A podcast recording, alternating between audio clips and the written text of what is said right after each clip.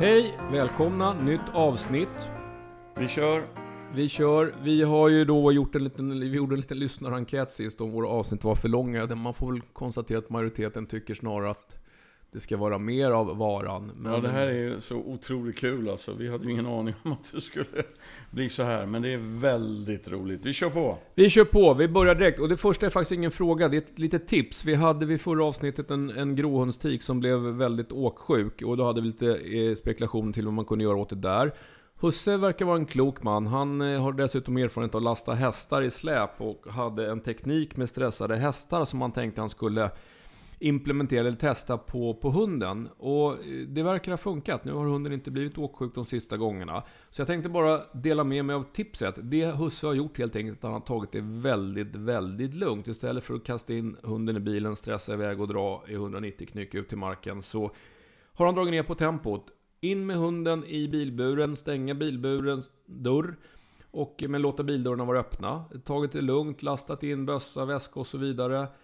Sen har han suttit en stund eh, i bilen och sen har man rullat sakta iväg och ökat gradvis hastigheten. Eh, han skriver säkert till medtrafikanternas stora förbannelse. Så att helt enkelt har han dragit ner på tempot så att eh, den här gråhunden har fått lite tid att akklimatisera sig och sakta ökat även hastigheten på körningen. Och det verkar ha funkat. Så det kan vara ett bra tips för någon annan att testa om ni har samma problem. Jag tycker det låter jättesmart och det där är lustigt att inte jag själv har tänkt på det där eftersom jag vet, jag jobbar ju mycket med hundens eget språk, signalerna, fysiska signaler. Mm. Eh, och jag kan ingenting om hästar. Men familjen har ju haft hästar och sådär. Vi har bott nära hästgårdar och det där. Jag har haft ungar som har ridit mycket. Och jag lärde mig ganska snabbt att hästar har i princip identiska fysiska signaler som hundar. Går du rakt emot en häst fort, då hotar du den, då sticker den. Mm.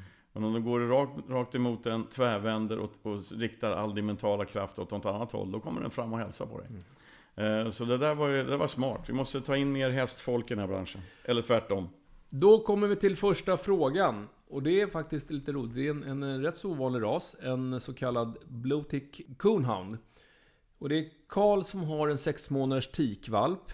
Och sen har han även i familjen sen tidigare då en nioårig lagottehane som, som från början tyckte att den här Lilla valpen var ganska jobbig, men han var tolerant och snäll. Nu förstod ju Karl då när de skaffade en tikvalp och hade en hanhund att någonting måste göras på sikt. Och då kommer första frågan. Skall jag kastrera tiken eller hanen? Och då är funderingarna att det kan innebära stora risker att lägga nio år gammal hund under kniven. Eh, och, och tillägg till det är att han är lite rädd för att beteendet hos den här lagotton inte försvinner. Han har nämligen en, en oegenhet att han eh, ska hålla på och rida på, på eh, allt och alla hundar. Och sen så samtidigt så säger han att tikar som kastreras lätt blir inkontinenta. Och sen, det här är ju en ganska ovanlig ras och, det, och även om inte huss i nuläget har någon tanke på att avla på den så, så, finns väl kanske tanken där i bakhuvudet om det blir en duktig jakthund. Ja, och då säger jag så här, nu säger jag vad jag skulle ha gjort. Jag skulle ha kastrerat hanen. Eh, risken att lägga en nioårig hund under kniven är, eh, skulle jag säga, om det är en frisk hund för övrigt. Alltså man gör alltid en statuskoll, en klinisk undersökning på en hund som ska sövas. Låter hjärtat bra, eh, cirkulation och eventuellt vill de ta ett blodprov och kolla lever och njurar. Men är det en frisk hund för övrigt så är den risken, jag ska inte säga försumbar, man ska ha respekt för narkosen, men den är ytterst liten. Dessutom är ingreppet på en hanhund otroligt litet jämfört med på en tik. Man gör ju ett litet snitt, plockar ut testiklarna som ligger under huden. Va? Så man är ju inte inne i buken och bråkar och någonting sånt där. Så jag skulle nog i det här läget kastrera hanhunden. Eh, däremot så tror jag att du har rätt i att jag tror inte hans beteende med, med att hoppa på andra hundar eh, kommer att försvinna. Dels är han nio år gammal och det här är sannolikt ett inlärt beteende. Och sen är det ju faktiskt så att det här med hoppa på andra hundar och rida på andra hundar, det är inte alltid någonting som har med sexuellt beteende att göra. Utan det kan vara överslagshandling, det kan vara eh, dominansagerande och så vidare. Så att den, den får du nog leva vidare med, skulle jag tro. Den grejen ska ju korrigeras och inte kastreras bort. Fråga två. Den här tikvalpen då, hon är väldigt lekfull, älskar att hälsa på andra hundar. Husse upplever dock att hon är ganska så eh, våldsam och det här är ju en relativt storvuxen ras. Hon, hon biter gärna de andra hundarna i nacken och brottar ner dem. Eh, hanen piper till och med till emellanåt när han hamnar på rygg, men hon, hon släpper liksom inte ändå, hon ger sig inte. Och då är frågan, hur korrigerar jag det här? Är det något som bör korrigeras eller är det bara vanlig hundlek? Hon börjar bli stor och tung. Det får bli Peter. Ja men alltså du har ju sett det här många gånger i din flock och jag har sett det många gånger i min flock. Alltså din äldsta tik, eh, Skilla, när, när din valp och eh, min valp leker lite för häftigt i hennes närhet, vad gör hon då? Då blir hon arg. Hon korrigerar direkt. Hastigheten är för hög, ni är för våldsamma, lugna ner er för fan. Visar hon väldigt, väldigt, väldigt tydligt. Och så är ju min gammeltik också. Eh, så svaret är att det ska korrigeras. Eh, jag har ju det, alltså nu har jag ju en ett och ett halvt åring och eh, min åttaåring då. Ja, alltså de jämtar jag har. Eh, och jag, när vi är ute och går tillsammans i långlinor eller de är lösa på en timmes promenad eller vi gör någonting under en längre period som inte har med jakt att göra. Då måste jag gå in och korrigera den här valpeländet ett antal gånger för att annars kommer Orka bli riktigt förbannad. Så svaret är att det ska korrigeras. Och det, och, och det är inget konstigt eller elakt eller Alltså ur valpen perspektiv absolut inget konstigt därför att det är de stora fullvuxna i flocken som talar om om man ska gasa eller bromsa. Jag, jag tror tvärtom att det här är en bluetick alltså, det vill säga en stor stövare, rovviltstövare som ska banka i timmar i slag. Det är en envis hund. Så om man ger sig in och börjar korrigera och tala om vem det är som håller i taktpinnen i de här situationerna så brukar det bli så att man lätt, har lättare att få den här stövarens uppmärksamhet. Och ska man få inkallning i skogen så småningom, då är uppmärksamhet allt det handlar om. Förmågan att vinna hundens uppmärksamhet. Så in och korrigera när, när valpen blir för våldsam, absolut. Klart svar. Vänta, det var väl en följdfråga också. Hur ska han korrigera? Eh, ja, det korrigerar man på samma sätt som man, jag tycker man ska korrigera. Man hojtar till, liksom, ger ifrån sig någon form av ljud. Eh, I mitt fall ofta en kort intensiv svordom. Eh, och sen springer jag rakt in i valpen. Alltså titta på valpen, riktning mot valpen, farten mot valpen, inte mot den andra hunden som inte ska korrigeras.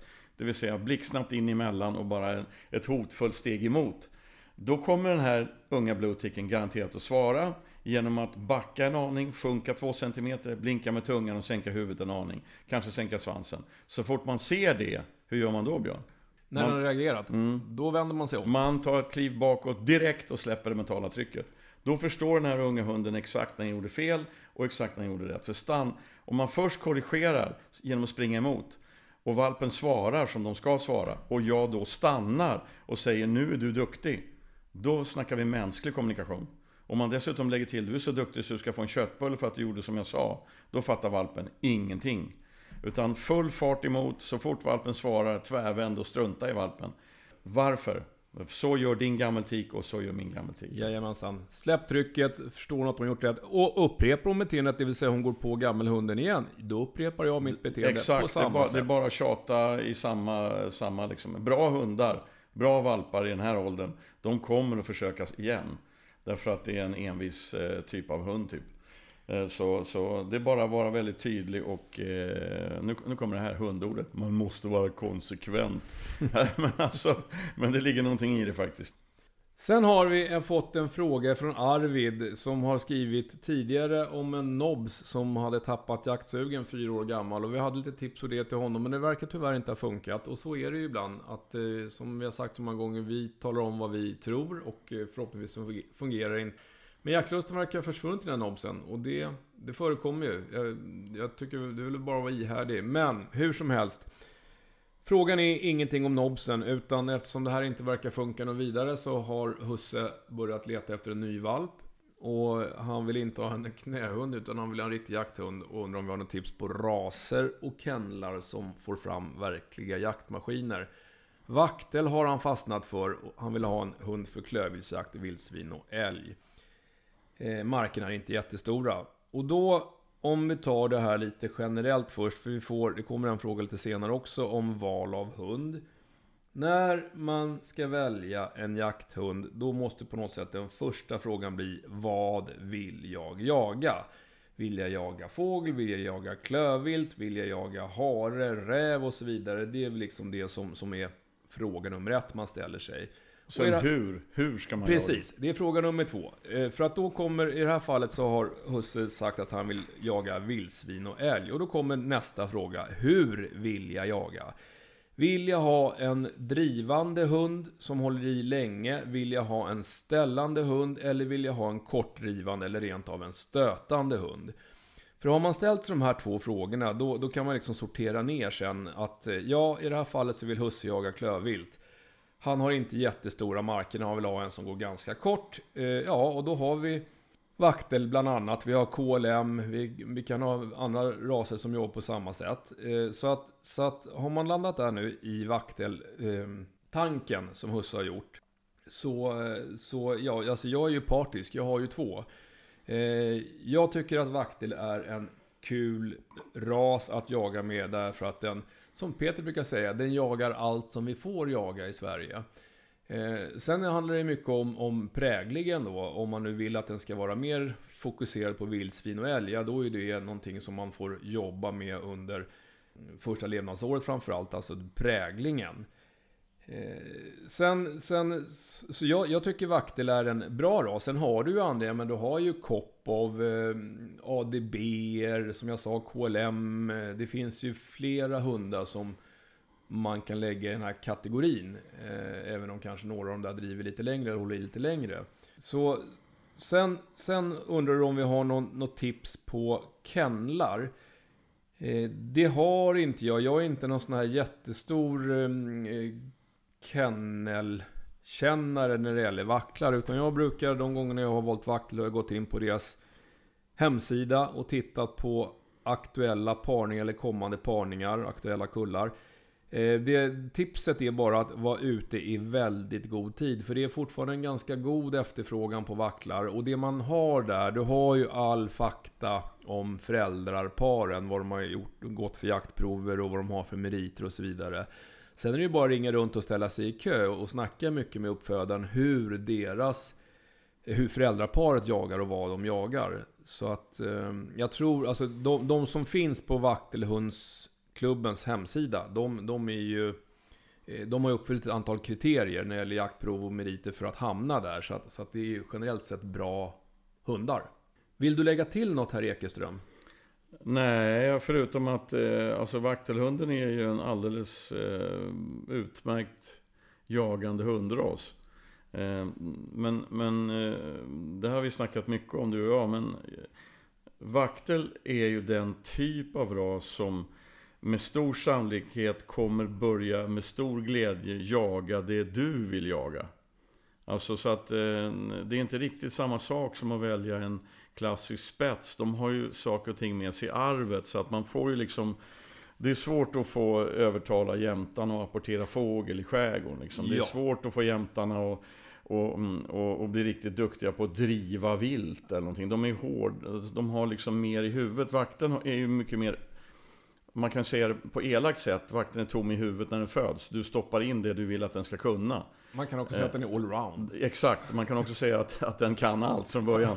nej, men, nej men alltså, så att man ska, det tycker jag man ska tänka på. Ja, men, men jag tror att skälet till vaktelvalet här var ju att han skriver att han har ganska små marker att jaga på. Eh, och, och då kan ju spetsarna kanske bli lite... Ja men självklart, och jag menar han ska ju välja en vaktel efter det han beskriver, självklart. Men jag menar bara att det är samma sak som längder, för att jag menar jag jagar ibland vaktelhundar som, som jagar självständigt i tre timmar. Och och ibland jagar man vaktlar som, som har två minuters rev och kommer tillbaks. Och dels finns det i huvudet på dem, men framförallt är det sättet som deras förare har jagat in dem på. Så man ska tänka sig för bara. Ja, det, Eh, jag det menar, är är helt sant. Ta din valp här. Du, den- du ska ju köra fram den. Den ska ju föredra vildsvin har ju du bestämt. Du kommer ju lägga två år på att styra in hunden till vildsvin. Eh, och det behöver man liksom inte göra med de här andra hårda, hård, alltså som en drever vet vi hur den jagar därför att dreven själv vet hur den jagar. En jämthund vet vi hur den jagar för att jämthunden själv vet. Den finns färdigt i huvudet.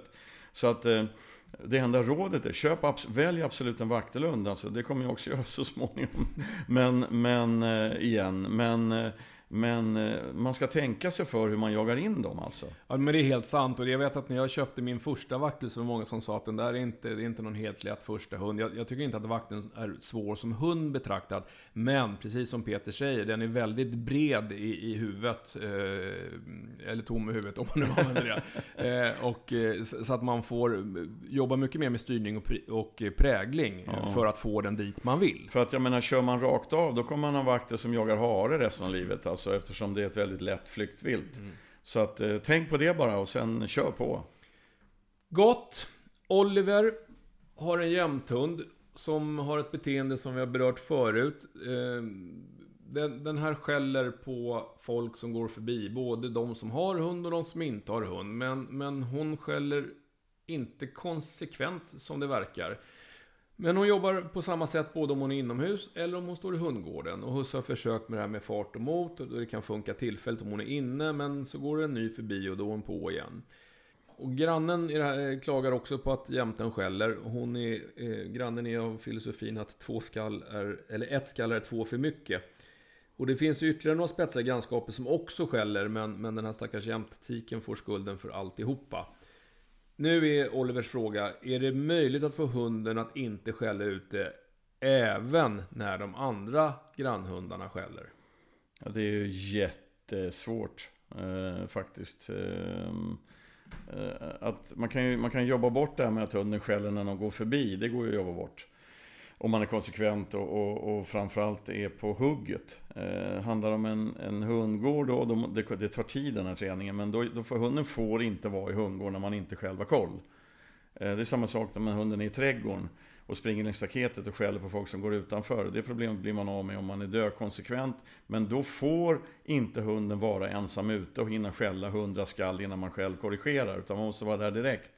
Men att bli av med med allt skällande eh, tror jag är svårt. Men och när en annan hund skäller i grannskapet, eh, det triggar ju den här jämten att också skälla, säkert inte särskilt mycket, men den skäller som ett slags svar eller, eller den blir triggad helt enkelt.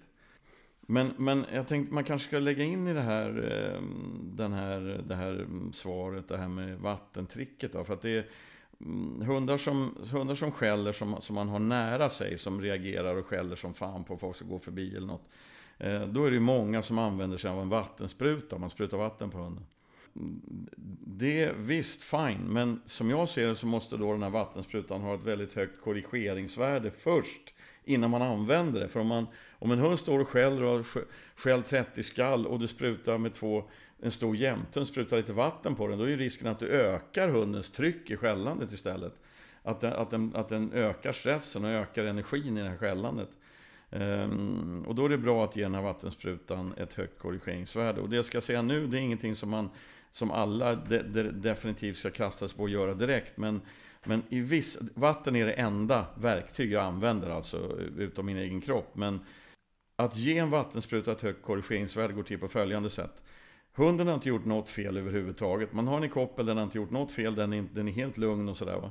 Då hoppar man in framför hunden och så sprutar man med den här vattensprutan 40 gånger rakt i ansiktet på hunden.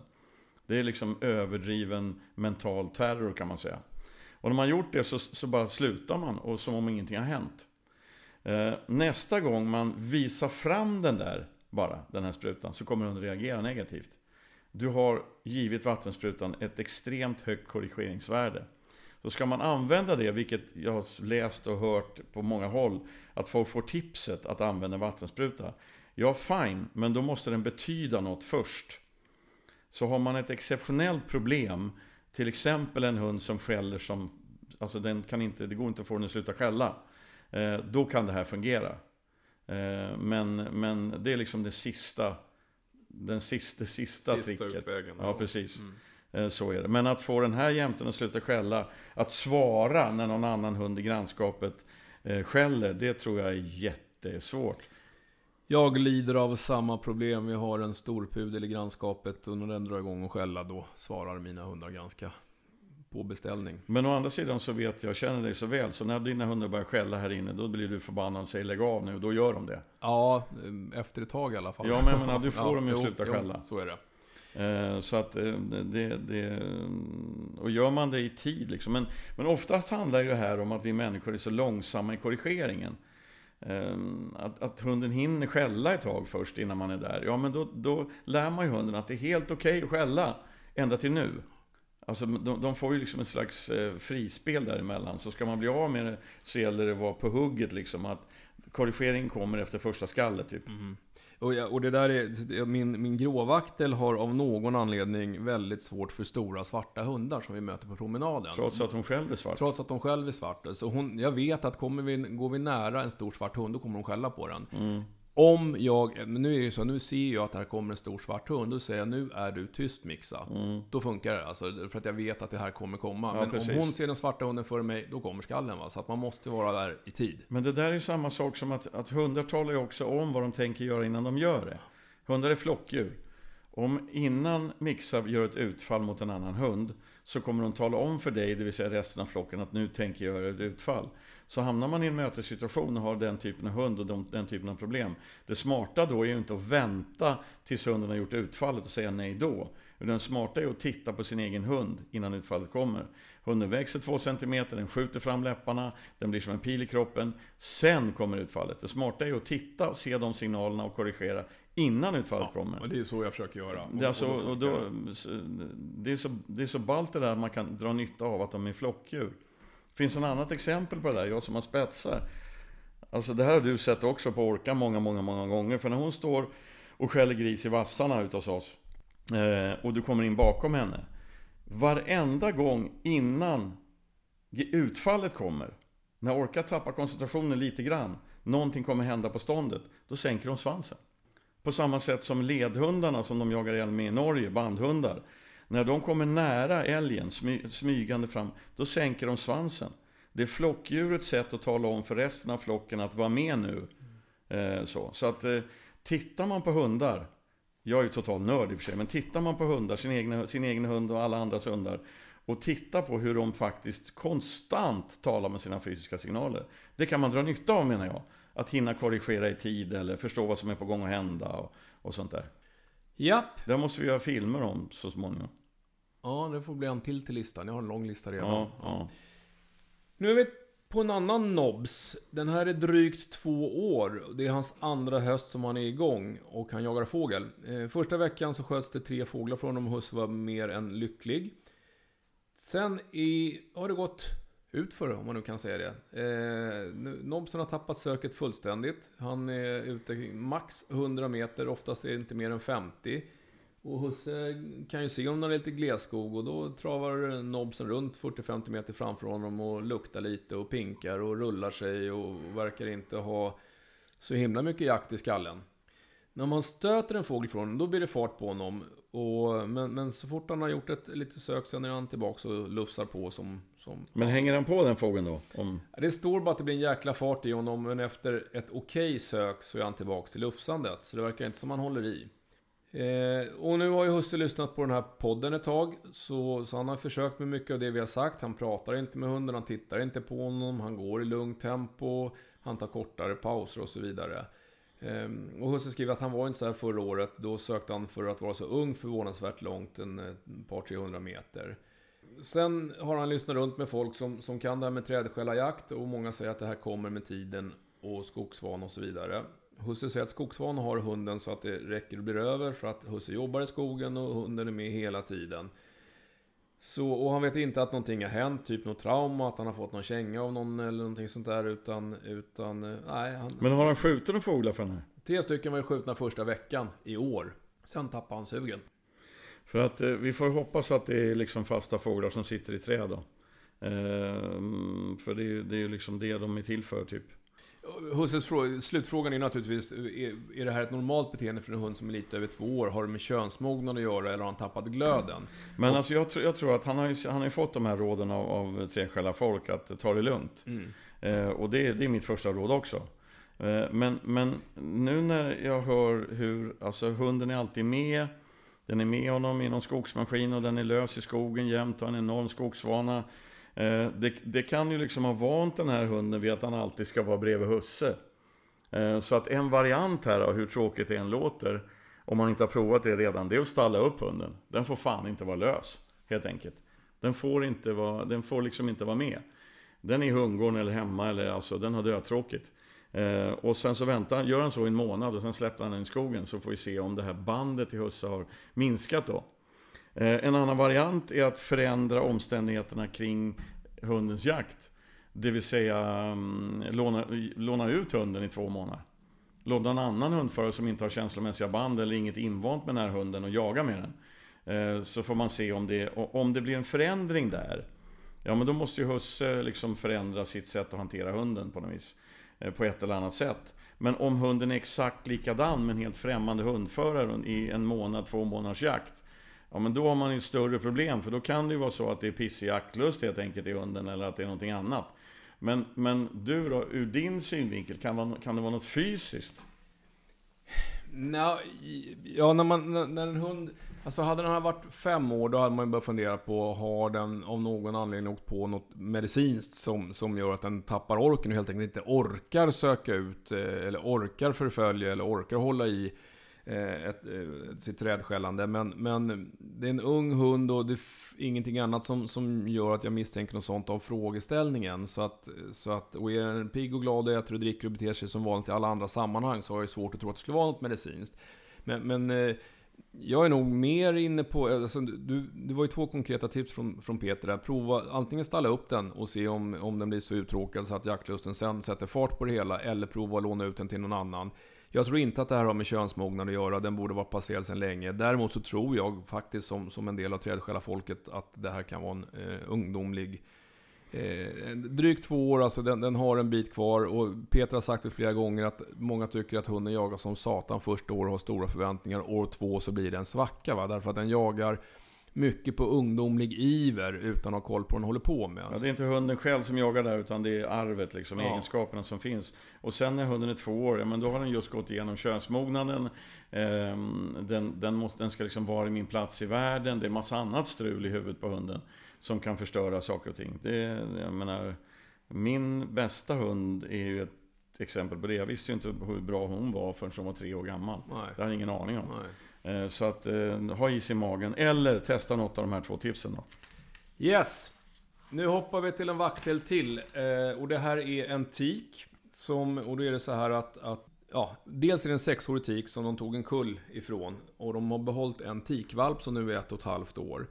Och problemet är, är tikvalpen som, som beter sig lite osäkert i vissa situationer. Men hon är heller inte konsekvent i sin osäkerhet. Eh, utan det står här bland annat att, att hon kan reagera på skott vid ett tillfälle och sen så reagerar hon inte alls på skott vid nästa tillfälle. Trots, som husse Johannes skriver här, att det är samma plats, samma bössa, samma skytt. Och det är 100-150 meter iväg. Så hon lär inte få någon förvarning på att skottet kommer heller. Hon är ju ung, men eh, det är klart att man vill ju inte att en, en jakthund ska reagera negativt på skott ifall någon nu skjuter någonting för henne och tips på lösning. Sen har husse lagt till här då att mamman som de då har är, är raka motsatsen. Hon är en mycket pondus och inte osäker för fem öre. Och då spekulerar han lite grann i om, om det kan vara så att, att den här lilla valptiken eller unghundstiken blir osäker när, med, med, med en säker mamma som alltid är i närheten. Det har jag inget konkret eh, svar på. Det skulle ju kunna vara så. Men å andra sidan så är det också någonting ni kan använda för att eh, alltså utnyttja för att träna den här unga tiken att, bli, att bli lite säkrare. Och nu, nu vet ju inte jag om ni har gjort det här, va? men Peter har ju dragit ett antal sådana exempel på hur man skotttränar. alltifrån att spela in skottljud från någon skjutbana och någonting och sen sätta på hög volym och bara låta det stå och dunka på i huset under några timmar eh, åka till en skjutbana. Men tripset här då, det är ju att använda den här äldre tikens säkerhet. Och att ha med båda hundarna bredvid varandra på skjutbanan eller i köket med stereon på hög skottvolym. För den här unga kommer titta på sin mamma och konstatera att hon är inte ett dugg berörd, hon bryr sig inte alls av de här smällarna. Då kan jag nog ta det lugnt också. Ja, alltså det är värt att prova. Sen kan man göra det du gjorde med valpen här, när du var på skjutbanan. Vad, tyckte den här, vad tycker din lilla vaktelvalp om att göra? Den gillar att gnaga på en älgklöv. Ja. Ja, men du, du gav valpen älgklöven, hon låg och gnagde på den, fullt fokus på den. Och sen drog hagelskyttet igång, eh, 50 meter bort. Hon brydde sig inte överhuvudtaget om den, för att det, det, det är nästan så att det ljudet blir någon slags Positivt. får någonting väldigt positivt. Ja. Så att vad man kan göra, jag vet inte om de har gjort det, men en variant är ju liksom att om, låt säga att den här, den här vakten ska jaga dåvilt. Ja, men ha några dåviltsklövar eller skinnbitar eller någonting i fickan då. Eller i rygg, ryggväskan eller något. Eh, och sen när, när första skottet ljuder 150 meter bort. Jag langar, liksom, håll, kampa lite med det där, lek med det, eller ger den bara så hunden får gnaga vid den. Så att det blir en positiv grej. För att det vanliga sättet att skotträna, det är att, att man totalt struntar i hunden. Eh, men har man en hund som reagerar en aningen osäkert eller ibland osäkert, ja men då kan man göra ljudet till någonting väldigt positivt om hunden får ett slags belöning i samband med skottet. Dessutom är det smart eftersom den här vakten ska jaga dåvilt och det är klart om, om skottljudet eh, är belönande i form av dovidsvitting eller dovidsklövar och tugga på eh, den typen av belöningar så är kopplingen ganska smart. Det är ju ett annat sätt att träna då. Eh, funkar inte det får de höra av sig igen. Det finns massa sätt. Eh, vi kan utveckla det här hur långt som helst egentligen. Hur man eh, jobbar bort rädslor hos hundar. Men, men prova det här tills vidare. Då ska du få fundera på en, en, ytterligare en vaktel.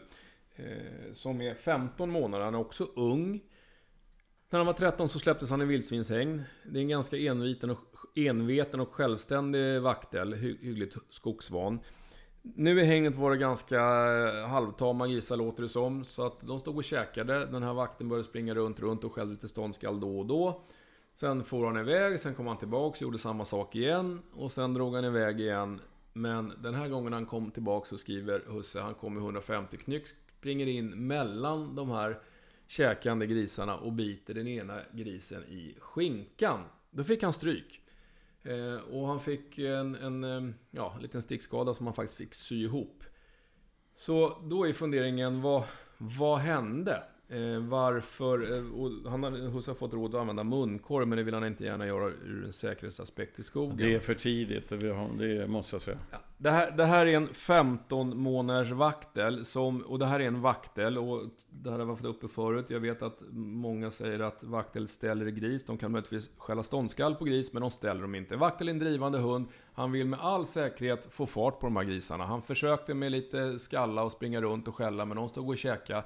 Till slut tog han till storsläggan. Han åkte in eh, med full fart och bet till i grisen. Då vart nog fart på honom. Är det normal vaktel så sa han någonting när han flög på och bet grisen i rumpan. Han sa så här, kan inte du springa så jag kan börja driva nu? Ja. Eh, så det här betyder, dessutom så Alltså, hängn, alltså välskötta hängn är fantastiskt hjälpmedel alltså, och, och, på många sätt bra. Men det är ändå hängn. Och det de beskriver här, det talar om för mig att det här var ett ganska nernött hängn så att de såg det som hände. De var, de var ju nära. De, de beskriver ju som de ja, stod och tittade ja, på. Eh, vilket innebär att den här unga hunden fick fruktansvärt mycket stöd. Eh, det här kommer med stor sannolikhet inte hända när den här vakten nu framåt hösten kommer hitta vildsvin i den fria skogen. För det första är det så att eh, antingen kommer vildsvinen direkt att ta till klövarna och sticka till en annan ståndplats. Eller också kommer utfallen att komma väldigt mycket tidigare och långt innan eh, det här vakten överhuvudtaget får i huvudet att han ska in och bita i någon gris. Eh, dessutom ligger grisarna ute i fria skogen i princip aldrig som de gör i hägn. Det vill säga, du ser dem inte. Släpper du en vakter på dagtid och han hittar grisar, då är det fan inte så du ser dem. Inte ens om du kommer in på tre meter. Eh, vilket kommer försvåra eller sänka vaktens hastighet. Han kommer börja jobba med näsan och hörseln istället för synen. För det han gjorde här, det var att han jobbade med synen. Och dessutom hade väldigt mycket stöd från den närvarande husse. Ja, precis. Så att eh, jag, jag, tror att eh, de här hundägarna, hundförarna kan ha is i magen och låta det här gå till handlingarna. Och sen, sen undvika då att släppa den här unga hunden i den typen av hägn. Något mer innan vi börjar jaga in den i skogen. Vissa hundar, jättebra i hägn, funkar bra, man kan utbilda dem. Andra, när de beter sig så här, ja men då taggar vi ner på hängnen alltså. Eh, och så börjar vi jaga in hunden i skogen. Bra. Vi tar en liten fråga emellan här om eh, pulpor. Just alltså, det. Mm, vi har ju, eh, vi, hundarna. Och deras klor så, så eh, har väl de allra flesta som har jakthundar och klipper klorna kanske någon gång har klippt lite för långt. Och då har det uppstått lite blodvite. Man har klippt i den berömda pulpan. Eh, och då är det så här att en del hundar får väldigt, väldigt långa klor. Och har man långa klor så ris riskerar, eller ökar risken för att man får sådana här klobrott om man sliter av klokapseln. Och då, då finns det ju en, eh, eh, ja, ett trick då att, att man försöker klippa ner de här klorna gradvis för att på så sätt få den här pulpan att dra sig tillbaka. Därför att ju längre klorna blir, desto större blir pulpaenheten i klon också. Eh, och pulpan är ju helt enkelt, det är ju en, en det är blodkärl som går runt klobenet, mellan klobenet och den här klokapseln eller hundens nagel. Och då, det här är ju, låter ju jättelätt i teorin, men vad man gör är ju att man grad, alltså man försöker varje gång man klipper så försöker man klippa så nära pulpan som möjligt utan att klippa i den. För att tvinga tillbaks den? För att tvinga tillbaks den, vilket är ganska så lätt om man har en hund med vita klor, eh, ljusa klor, för då ser man väldigt tydligt när man börjar närma sig pulpan. Det är svårare när man har hundar med svarta klor, och eh, alltså, det, det, det, är egentligen bara erfarenhet som man lär sig på hur man kan klippa. Det, och det, om, man, om man ska på något sätt försöka beskriva det, längst ut, den yttersta delen på klon, den är ganska massiv klovävnad. Det är liksom svart rakt igenom. När man har klippt ner en bit, då börjar centrala partiet i klon vara lite så här mjöligt vitt. Då är man någonstans mitt i och där kanske man slutar klippa om man, om man nu inte vill få pulpan att dra sig tillbaks. Vill man få pulpan att dra sig tillbaks då klipper man lite, lite grann till och då kommer man tillbaks på massivt svart kloben. Då är man nära pulpan. Sen är det ju inte hela världen om man råkar klippa i pulpan. Hunden kommer inte dö eller förblöda. Det är, de allra flesta hundar reagerar ganska blygsamt om man klipper i pulpan. Om husse eller matte inte reagerar själva. Mm. För att gör de det och de rycker till och säger men lilla gubben eller lilla gubban och förlåt, förlåt, förlåt. Ja men då har man verkligen befästat det, det Man kastar sig upp och springer och hämtar tryckförband det första man gör. Och köttbullar. Ja, och köttbullar. Ja. Så, att, så, att, man säger hoppsan och så klipper man vidare. Sen finns det, jag har en sån själv som, som tycker att det är ytterst obehagligt när jag klipper i pulpan. Hon står kvar bara för att hon är så himla husse, eller eh, vek, så att, så att hon står kvar ändå. Men hon, hon reagerar tydligt. Va? Men, men i de allra flesta fallen så kör man bara på. För att det, trick, alltså grejen är att det är bra att inte ha för långa klor. Men jag skulle säga emot också, för att under jaktsäsong så är det inte helt fel att de har skapligt långa klor. Nej. Det är en balansgång det där. De ja, behöver ju klorna för att kunna rivstarta och ta sig igenom, alltså, ja, överhuvudtaget så är klorna ett hjälpmedel för dem. Definitivt. Alltså jag klipper, om, om jag klipper klorna på mina hundar var tredje vecka under lågsäsong så klipper jag kanske en eller två gånger under jaktsäsong. Dels ja. sliter de klorna mycket mer och dessutom behöver de klorna Eh, på ett annat sätt då. Och, och, när vi får in hundar till, som ska av någon anledning sövas och sånt där, vi klipper alltid klorna regelmässigt för många djurägare uppskattar det. Men när det gäller jakthundar under jaktsäsong, då frågar vi alltid, vill ni att vi klipper klorna? Ja, det. Det är ingen självklarhet. Okej. Okay. Eh, Peter, jag vill ha en liten kopp kaffe innan vi hoppar på nästa. Du är inte ensam det. Paus. Paus.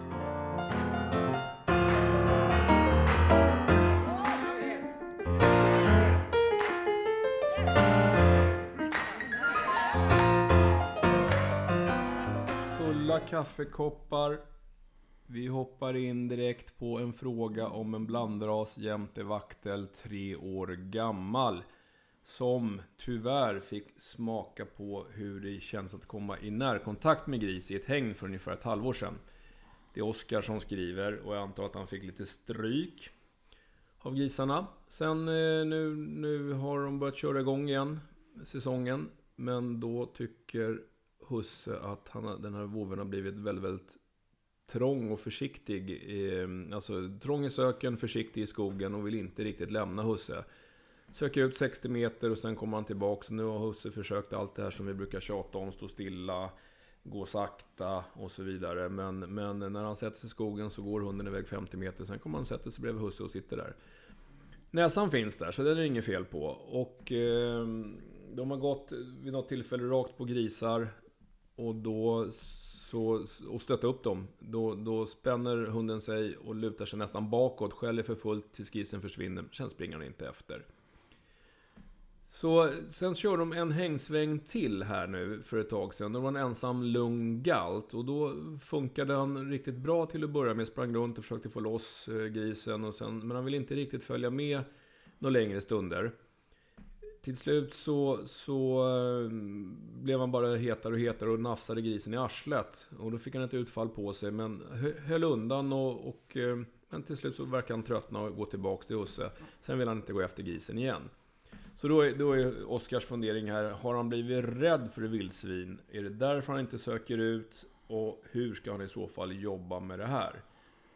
Ja, Peter, det får nästan bli din grej. Ja, nej men alltså det, vi, vi, vi hade ju en liknande fråga nyss här, men det låter ju som man tänker använda den här eh, korsningen då. 50% spets och 50% drivande und till, till såtjakt typ. Han vill ha, alltså det, ja, den ska funka mer som en stöta loss grisarna och driva dem i pass. Det låter så. Ja. Um, men eftersom det är delvis en jämthund i den här så ett sätt är ju att när han får tag på vildsvin att bejaka ståndet, alltså att han kliver över den mentala tröskeln så han kommer igång och skälla först. Eh, för det smarta är ju att, eh, att, ehm, stö, att, att skällandet i sig då irriterar vildsvinen så att de, och då kommer ju vakten koppla in. Eh, att han vill driva. Men, men jag tror att killen har rätt. Det är klart att han blivit orolig. Ehm, det kanske är en rätt så känslig själ den här treåringen. Eh, han åkt på en rejäl smäll, vilket gör att han tycker att vildsvinen är lite otäcka. Med stor sannolikhet så kommer den här hundens jaktlust att så småningom överbrygga den, eh, den ravin som oron innebär. Då. Så det är ju bara, om jag var den här killen skulle jag bara köra på.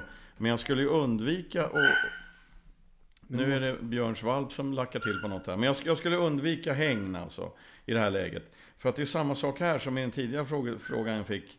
Ehm, I det här avsnittet. Alltså eh, hägnade vildsvin, eh, då ser man ju själv, man är med där, man stör oavsett om man, man stöttar på ett sätt, men man stör också. Så försök att se om, om den här hunden kan komma över den här mentala tröskeln själv. Och det bästa sättet är att jaga i skogen alltså. Ehm, så är det ju. Och sen det här med dåliga sök, ja det är det klassiska då.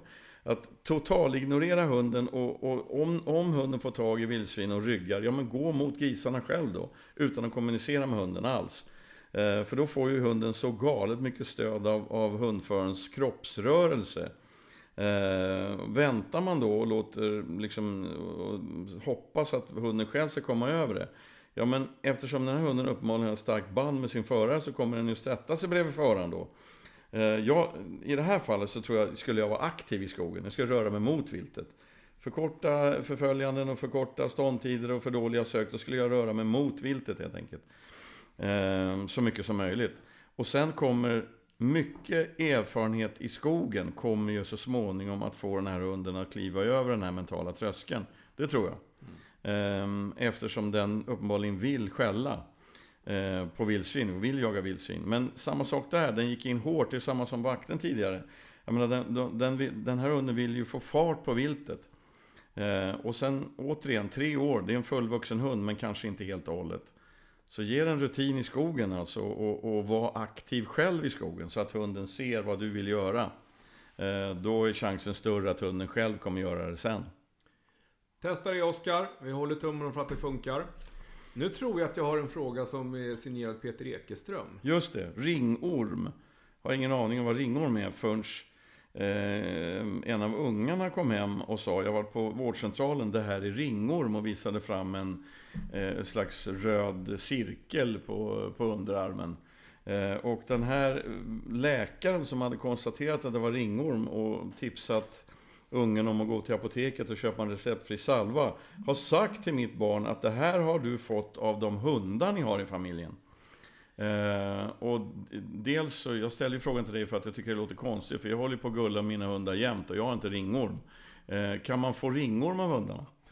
Ja, svaret på den frågan är ja. Eh, ringorm är eh, ja, ett konstigt namn. Det är alltså en, en slags svamp en, eh, som, som kan orsaka hudinfektioner. Dermatofyter heter de på fint språk. Eh, och dermatofyter, om man nu börjar med att de kan sitta på kossor och, och, hundar och i princip alla. Det är en så kallad zoonos, det vill säga att den kan gå från djur till människa. Det betyder att hundarna kan smitta dig med ringorm. Jag är nog benägen att, att nu vet jag inte alls hur, hur mycket dottern gullar med dina hundar, men med tanke på den kontakt du har med dina hundar så skulle jag, jag har ju svårt att tro att det är de som är boven i dramat. Och jag säger det av två skäl. Dels, som sagt, du är med dem väldigt mycket, du tar på dem väldigt mycket, du har ingen, inga symptom på ringorm. Det andra eh, skälet till, till eh, att jag är tveksam till, till att det är de som är boven i dramat är att de är helt symptomfria.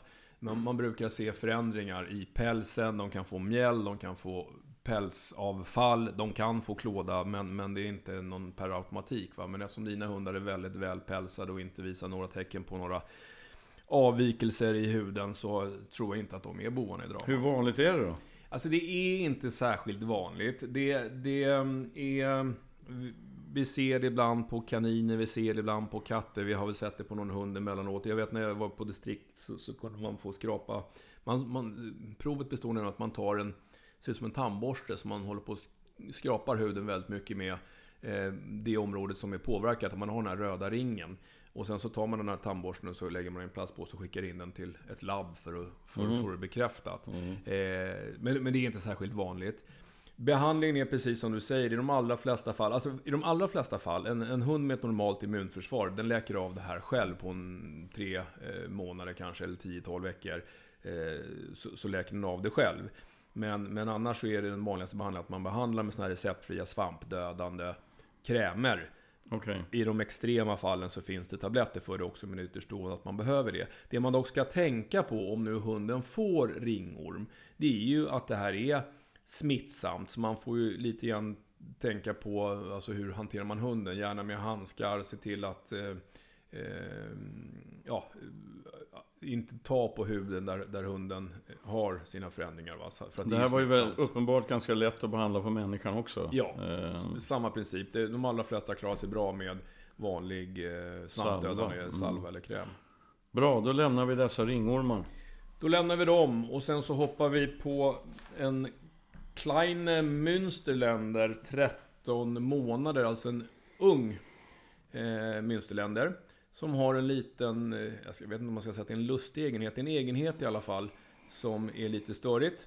Och det är det att den har börjat att skälla frenetiskt på matte utan någon som helst eh, Ja, utan att någonting händer så, så sätter den här igång och skäller på matte. Och som jag tolkar mejlet så är det bara matte den skäller på. eh, och det är klart att det tycker inte matte är så himla roligt. Så, så vad gör man åt det här? Ja, eh, frågan kommer inte från matte här utan från Husse alltså. Ja. Mm.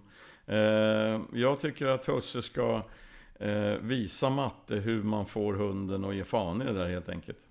Eh, och det går till på följande sätt. Matte är på hugget. KLM, den un, unghunden kommer springande mot, mot matte och, och öppnar käkarna, skiljer käkarna från varandra och ska just vräka iväg ett skall mot matte. I den millisekunden så springer hon rakt in i den här KLM. Full rulle emot. Då kommer den här hunden bli chockad och inte skälla. Då tar även matte och går därifrån. Så håller de på sådär tills den här unga hunden lär sig att hoppsan, här är inte läge att skälla på den här matten. Samma princip som vi pratade om alldeles nyss. Agera proaktivt istället för att vänta tills ni börjar skälla och fyra ändå. Försök, ni, ni, vet sannolikt när det här kommer att inträffa. Då går matte in och bryter innan det har inträffat. Och, och det är matte som måste göra det då. För att eh, det, det är liksom, annars kommer det bli problem. Då kommer matte stå och skrika på husse. Och då går det 25 sekunder innan husse hinner fram. Eh, det här är lite liknande. Eh, jag fick en fråga häromdagen faktiskt om en eh, mm, storvuxen hund som hoppade på folk. Eh, ofta är det så att man, man bjuder in hunden att hoppa och, alltså automatiskt med sin kroppsrörelse, för man höjer händerna typ. Eller någonting. Jävlar nu kommer hunden och hoppar, då, då böjer man sig bakåt och höjer händerna. Då hoppar hunden upp. Och där uppe, när hunden är som högst upp, liksom, med nosen i örat på folk. Eh, då trycker man ner den och vrålar nej. Då har man gjort det för sent. Utan man ser ju liksom, hunden är på väg mot mig och tassan är på väg att lämna golvet. Då tar man ett kliv in i hunden. Då kommer inte hunden hoppa. Precis som du säger, det var ett bra ord det där. Var proaktiv. Ja, visst det var det fint. Nu hoppar vi till nästa val av hundfråga och nu är det Henrik som ska fundera, eller som funderar på att skaffa sin första hund. Eh, Henrik har väldigt mycket kloka tankar. Vi hade det här uppe för bara en liten stund sedan och då sa jag att det första man ska fundera på är vad man vill jaga. Nästa fråga blir hur man ska jaga. Det har Husse gjort. Han ägnar mycket av tiden till smygjakt eller vakjakt på vildsvin. Det vill säga att han skulle nog gärna vilja ha en hund som är duktig på eftersök. Och eh, dessutom så är han med i ett jaktlag där det finns gråhundar, vacklar, taxar, jämthund och karelare. Eh, Oj då, de är full. Ja, de är, och, och, det här är bra va, för det här är också sånt som man ska tänka på.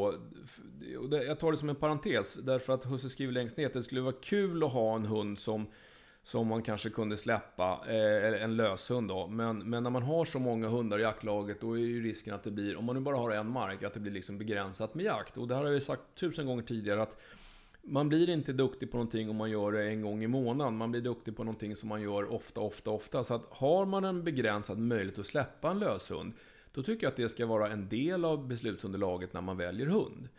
Sen då, för att återgå till det här med eh, att spåra. Och då har hustrun nu funderat på Gonski Polski, ADB eller Bayersk viltspårhund. Eh, han har läst en del om Gonski Polski och det låter som om det ligger honom varmast om, om hjärtat. Både som, ja, som familjehund och även vakthund. Men, men det skulle jag nog säga att om man tar de här tre raserna som, som Henrik rabblar upp. Gonski Polski, ADB eller Bayersk vildsporhund Så tror jag... Jag ser inte någon av de här som på något sätt är en olämplig familjehund. Eh, trevliga, normalt sett ganska stabila hundar allihopa. Eh, så det är nog mer en individfråga. Eller så var det du läste om Gonski Polski, det var en duktig säljande skribent som hade skrivit om det. Eh, ja, men jag, det, jag har väldigt svårt att se en, en, en bajrare som, som inte skulle funka i en familj, eller en ADB för den delen heller. Det finns individer, men... Men, men alltså jag tycker ju att av de här tre, när han har beskrivit eh, sina jaktmöjligheter, så låter det som att eh, det bästa valet här är ju en bajs viltspårhund av flera skäl. Dels så behöver han själv en bra spårhund. Dessutom kan ju bajrare, vissa bajrare kan man ju lära att eh, alltså, de, de, de, ibland blir de riktigt bra också som släpphundar. Eh, dessutom så har han ju massa andra hundar i jaktlaget. Det innebär att de jagar väldigt mycket en riktigt duktig spårhund är ju alltid bra i alla jaktlag. Ja, och har man en riktigt duktig spårhund kan man säkert få, få vidga sina vyer ja, och, och på andra marker också. Det enda, enda passet, enda liksom grejen där är att kom ihåg att skaffar man en Bayers viltspårhund eh, det, det blir ett slags livsval, för den mår riktigt bra av att spåra. Så man måste liksom ha lite det i kroppen också, att man vill hålla på med det. Mm. Men vill han det så, av de här tre, så blir ju rådet Bayers viltspårhund, om någon frågar oss. Så är det. Vi är helt överens där. Då hoppar vi till ytterligare en, en eh, hund som inte söker ut så långt som Husse vill. Det är Tobias som har en vaktel. Den, eh, ja, har, har blivit väldigt, väldigt trång i söket. Den är, det är max ja, 40 till 120 meter håller sig nära Husse. Och när man läser det här mejlet, som är hyggligt långt, så, så förstår man att Husse har gjort väldigt mycket rätt med det här. Han väntade till ett och ett halvt års ålder innan han började jaga in den, för att han ville ha en bra lydnad och inkallning. Den här hunden verkar tillbringa mycket tid med, eh, med Husse och han har uppenbarligen mm, ja, lagt mycket tid på hunden. Ja, men alltså, om jag förstår saken rätt så la han massor med tid på att få följsamhet och styrning innan han började jaga in den. Exakt. Och han skriver också att hunden är väldigt kontaktsökande, duktig på att lyssna på Husse. Och Husse funderar på, söker han tillåtelse för att få jaga? Är han orolig för att han kommer för långt ifrån Husse? Eller förstår han inte vad han ska göra? Eller en kombination av de här. Jaktlusten finns där, för när de går i koppel och de träffar på stadsharar som de gör dagligen vid promenader hemma så, så blir det fullt ös och drev, drev i skall, skalldrev i koppel. Och ja, hur ska jag tänka? Några tips på vad man ska göra? Men alltså, men, men det här är ju så svårt. Alltså det, här, det är ju en balansgång alltså. Eh, och jag skulle vilja ta min unghund, den jag har nu, en ung jämthundstik, som exempel. Jag har medvetet legat väldigt lågt med lydnad, den egentliga lydnadsträningen. Eh, under hennes eh, typ 9, 10, 11 första månader. Eh, det har varit ganska jobbigt då eftersom hon är, gör lite som hon vill. Men det är för att jag vill väcka den extrema självständighet som jag vet finns i de avelslinjerna. För jag vill ha en, en, en jämthund som, som förföljer väldigt långt och står väldigt länge och har stora sök och enorm självständighet. Och sen har jag jobbat nu med att hämta hem henne igen.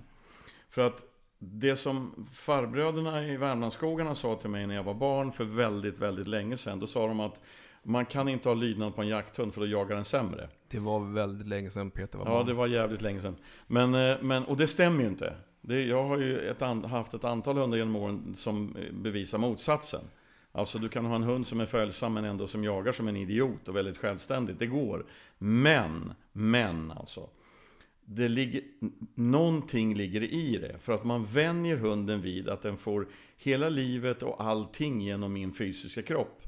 Det vill säga om man har en, en, en, en hund lös, alltså så mycket som möjligt och, ba, och hela tiden tjata på den. Här går vi, nu gör vi det här, titta här, jag är rolig, kom till mig får du göra det där och så vidare. Va? Det gör man ju när man vill få hem en hund som har gått ur hand. Men gör man så för mycket från valpåldern i ett och ett halvt år och sen jagar man in hunden.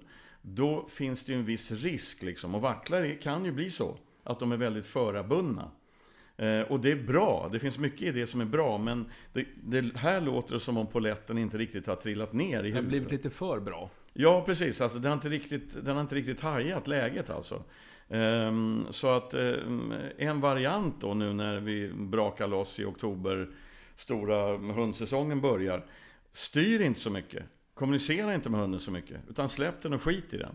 Alltså ändra ditt eget beteende. Inte helt och hållet självklart. Men lite grann. För att min, min fullständiga övertygelse är att har man bra vibba med en hund. Om jag ändrar mitt fysiska beteende på ett eller annat sätt. Då kommer hunden ändra sitt beteende tillbaks. Ett annat tips som du brukar ta i de här sammanhangen Peter. Skulle det, är den här för ung för att under en jakt eller några dagar byta husse? Nej, nej, nej. Den är inte alls för Låna ut den till någon annan som inte mm. har det här tajta bandet med honom. Ja, visst. Nej, men jag, jag har massa exempel. Jag hade ju en, en spaniel, eh, en av mina spanier som jag haft för länge sedan, gamla Aja alltså. Hon jagade ju bra med mig. Alltså hon, hon var, blev ju fullkomlig jaktidiot. Hon kunde ju hålla på i 30 minuter liksom, eh, tungt drevskall liksom. Det var inga problem. Men när till exempel du lånade henne, då blev hon ännu längre. Ännu mer självständig. Trots att, att jag var helt nöjd med hennes självständighet så blev hon ännu mer vidsökt och, och jobbade på egen hand när du tog henne. Eller när någon annan jag eh, släppte in och storjakt, lånade henne då. Så att eh, det ska han absolut testa, för det låter ju som i det här mejlet som han har lagt mycket tid på det här. Eh, inte fel på något sätt, men det får liksom inte gå så att man har vant sig själv i att ständigt kommunicera med hunden i skogen. Eh, för då tror ju hunden att den gör rätt när den håller sig nära. Bra! Ja, det vore lite intressant eh, om du så småningom har kommit in en bit på säsongen och, och testat lite grann det här och hör hur det går. Du får gärna mejla en liten sammanfattning av läget. Jag Eller höra av dig om det inte funkar. Visst, om, om vi får, får jag fortsätta lite till? Du får fråga. det. Bra. Eh, han skrev ju någonstans också, vid några tillfällen har vi haft tur och fått, fått upp vilt, säger han. Då låter det som om han har sparkat upp vilt. Hans närvaro, vittring eller ljud i skogen har gjort att de har fått vilt på klövarna och då har hunden eh, jagat det viltet. Eh, och då, då, då, blir hunden ännu mer bunden till honom. Jag vill jaga, det bästa sättet är att hålla mig nära husses fötter för han sparkar upp vilt och då får jag jaga. Så förändra det egna beteendet, det är nummer ett här alltså, det tror jag. Nu har vi fått ytterligare ett tips om det här med hur man jagar in, det här var lite bättre beskrivet, det står familjemedlemmar. Okay. Väldigt könsneutralt och bra. Det är Daniel, han har skrivit så här. Eh, han, har inte, han har misslyckats med både sambo och son, men det har gått bättre med dottern. Eh, hon har till och med varit ute och fällt, fällt en galt på åten. Så man behöver inte ge upp bara för att man misslyckas med sambon. Hon är intresserad av hundarbete och tränar mycket tillsammans med deras jaktidiot i Vaktel. Men varför jag läser upp det här, det var faktiskt, jag tror, jag vet inte, men det här kan vara vår yngsta eh, lyssnare. För att Daniel skriver nämligen på slutet jag började lyssna på er podd när vi köpte vaktel i somras. Numera är er podd det min nioåriga dotter lyssnar på när hon ska sova, städa rummet och så vidare. Det blev en förstärkning av jaktintresset som hon lär sig mycket på. Det tackar jag för. Det var kul, en nioårig lyssnare. Bra. Bra, man ska börja i tid. Nu ska vi hoppa till en eh, östsibirisk lajka med kärlek för ekorre. Vilket egentligen är fullkomligt självklart. Ja. Eftersom det finns i lajkornas arv. Det gör ju det, men problemet är att det verkar som den här Lajkan, trots att det har... Det här är en omplacering som nuvarande husse har haft i ungefär ett år. Det är skjutet älg för henne, både på gångstånd, ståndskall och tydligen lite skenälgar också. Hon har inte jagat så mycket, den tidigare ägaren var väl inte riktigt nöjd med hennes sök, men, men nu har hon fått jaga mer. Och... Ja, det är intressant. Den tidigare ägaren var inte nöjd med söken och då jagade han inte med henne. Nej. Hur fan ska hon få bättre sök då? Ja, det får du fråga honom om. Okay. Han har inte lyssnat på vår podd. Okay. Men då är det så här nu att hon, hon eh, verkar ha en förkärlek för, för ekorre. Alltså att det är vid flertalet tillfällen när husse har hört ett hejdundrande ståndskall smugit fram bara för att se Lajkan stå och stirra upp i ett träd. Och där sitter nog inga älgar. Eh, han har försökt med massa saker, gå förbi eh, hunden, provat att skälla på någon fart emot, bara suttit och lyssnat och hoppas han ska tröttna. Men han har fortsatt ett stort intresse för ekorrar. Vad gör man åt det här Peter? Eh, ja, man, jag tror man tar till ett Knutsson-knep. Vår vän jaktidioten Knutsson eh, hade ju lite problem med eh, sin numera bästa jaktmaskin. Den stora Som skällde på kor. Skällde på kor. Eh, han gick dit och hämtade. Han gick dit och hämtade, sa lägg av med det där, vi släpper dem. Eh, gång på gång på gång. Han bara hämta, lägg av, vi går vidare. Du vet, alltså eh, var stenhårt konsekvent. Eh, så jag har fått min eh, stortike och sluta skälla. Ja, det händer någon gång, men det är väldigt lite nu. När hon var ung så skällde hon en del skogsfågel. Ehm, och jag tog min och sa lägg av nu, nu går vi. Och då Alltså man bryter och bryter och bryter och ger hunden ett alternativ. Det är ingen idé att skälla i det här läget. Ehm, ehm, utan, och heller inte vänta in det, utan bryt beteendet. Lägg av nu, vi går här. Så fort som möjligt tar man sig in och säger lägg av med det där. Det är väldigt få hundar som så småningom inte mm, där, alltså, där intresset inte så småningom svalnar eftersom man blir bruten. Det blir ingen lägg av nu, vi går. Alltså svårare än så är det egentligen inte. Men Däremot handlar det återigen då om konsekvens. Du måste göra det gång på gång på gång på gång. På gång. Ehm, det tror jag. Ehm, sen, det finns ju andra trick man kan, man kan använda sig av. Men om inte det här funkar om två månader, hör av er igen då. Så, men allt, all annan typ av träning för att bli av med det här problemet är tidsödande, krånglig och ställer stora krav på massa saker. Så det bästa är ju Knutsson-tricket, hämta hund bara. Lägg av nu, vi går hit istället. Då testar vi det först. Och håller tummarna för att det räcker, annars så hör du av dig igen. Ytterligare en, eh, ja det är ingen hundvalsfråga för att eh, Jonny har redan valt. Han står i kö på flera olika kennlar för en finspetsvalp och undrar bara vad vi tycker om rasen. Den ska jaga fågel. Är någonting jag ska tänka på när det gäller rasen? Han har haft en del hundar tidigare men ingen liten spets. Ja, jag säger ros. Eh, jag tycker om ja, ja, ja, ja, det är skitbra hundar alltså. Generellt, eh, har han eh, bara lite koll på var den kommer ifrån så kommer han få en träskällare. Liksom det, så är det generellt. Om man inte har en fruktansvärd otur. Det är, det är en bra hund, de brukar vara mentalt stabila och allt det där. Men man, och dessutom är det väldigt tidig jakt i många av de här finspetsarna. Men man ska inte lura sig och tro att bara för att en sex månaders finspets skäller fågel att den är mogen i huvudet för det den håller på med. För det är precis samma sak med småspetsarna som med de stora eller vilka hundar som helst. Alltså att det tar tid innan de mognar. Så grejen är att ta det lugnt. Ta det lugnt. Annars är det bara plus när det gäller finspets. Och eftersom du bara vill ha den att jaga fågel med, du har skrivit om det något speciellt att tänka på med rasen. Alltså det finns ju många finspetsar som har intresse för annat vilt också, så du får ju ja, jobba mycket med präglingen. Och då är vi inne på det här, hur, hur präglar man en trädskällare? Ska man dra spår med vinge och hänga upp i träd? Jag har aldrig haft någon trädskällare. Peter, du har bättre koll på det där. Ja, alltså det, det bejaka det man vill att hunden ska... Alltså de här småspetsarna har ju en tendens att jaga det jag vill att de ska jaga. Eh, jag vet inte vad man får säga så här öppet i offentligheten, men jag känner ett antal träskällarmänniskor som, som tar första pris och jaktchampionat och allting på fågel. Och sen när det är klart, då jagar de både älg och björn och lo och allt möjligt med de här hundarna. Ehm, så, så det är några riktiga jaktmaskiner. Men det finns i dem, alltså fågelintresset finns i dem.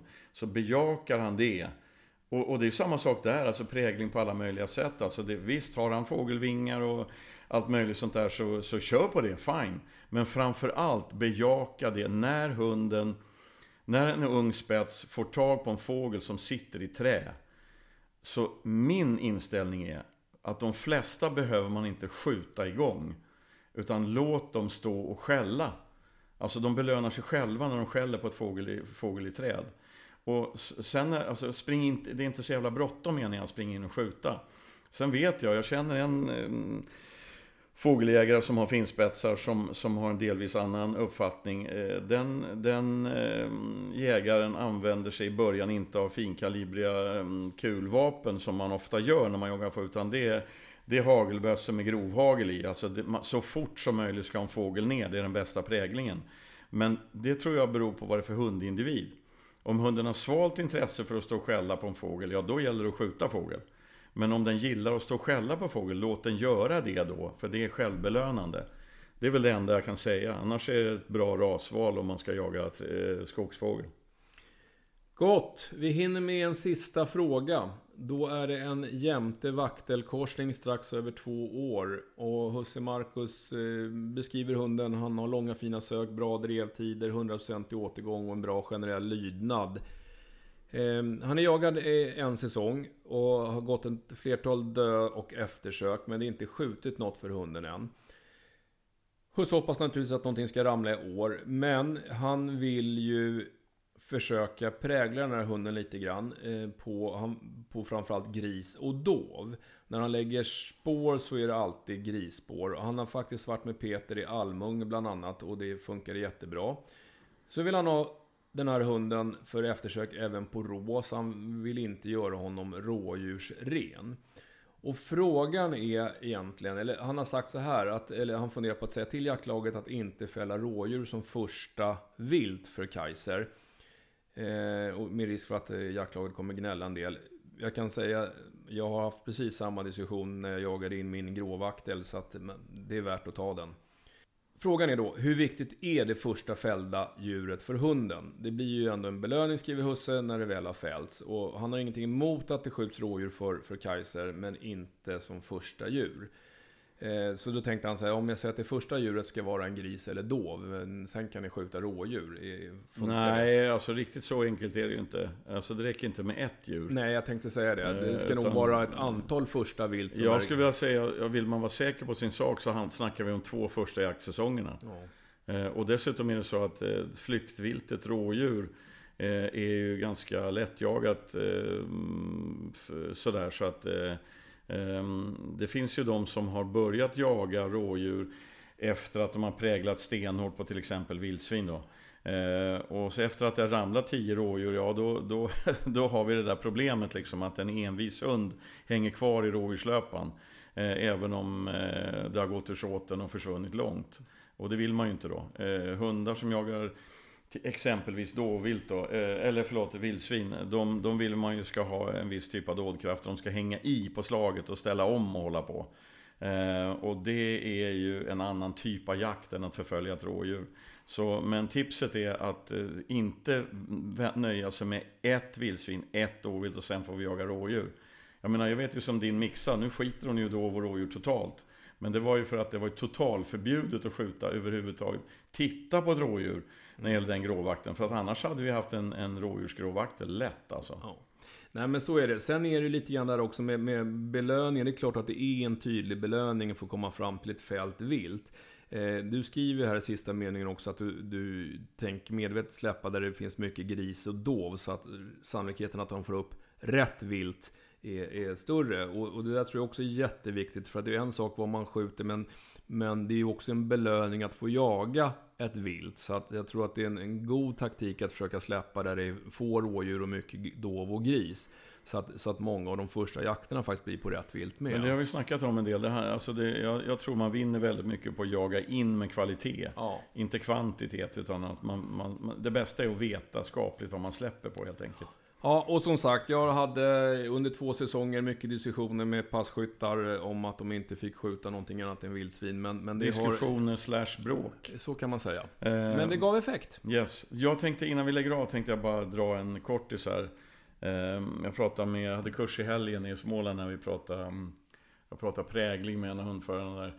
och ska man se på att, att för länge, länge, länge sedan så, så kände jag en hundförare långt norrut som hade gråhundar och blandspetsar som jagade älg något fruktansvärt. Och han hade skaplig inkallning på dem.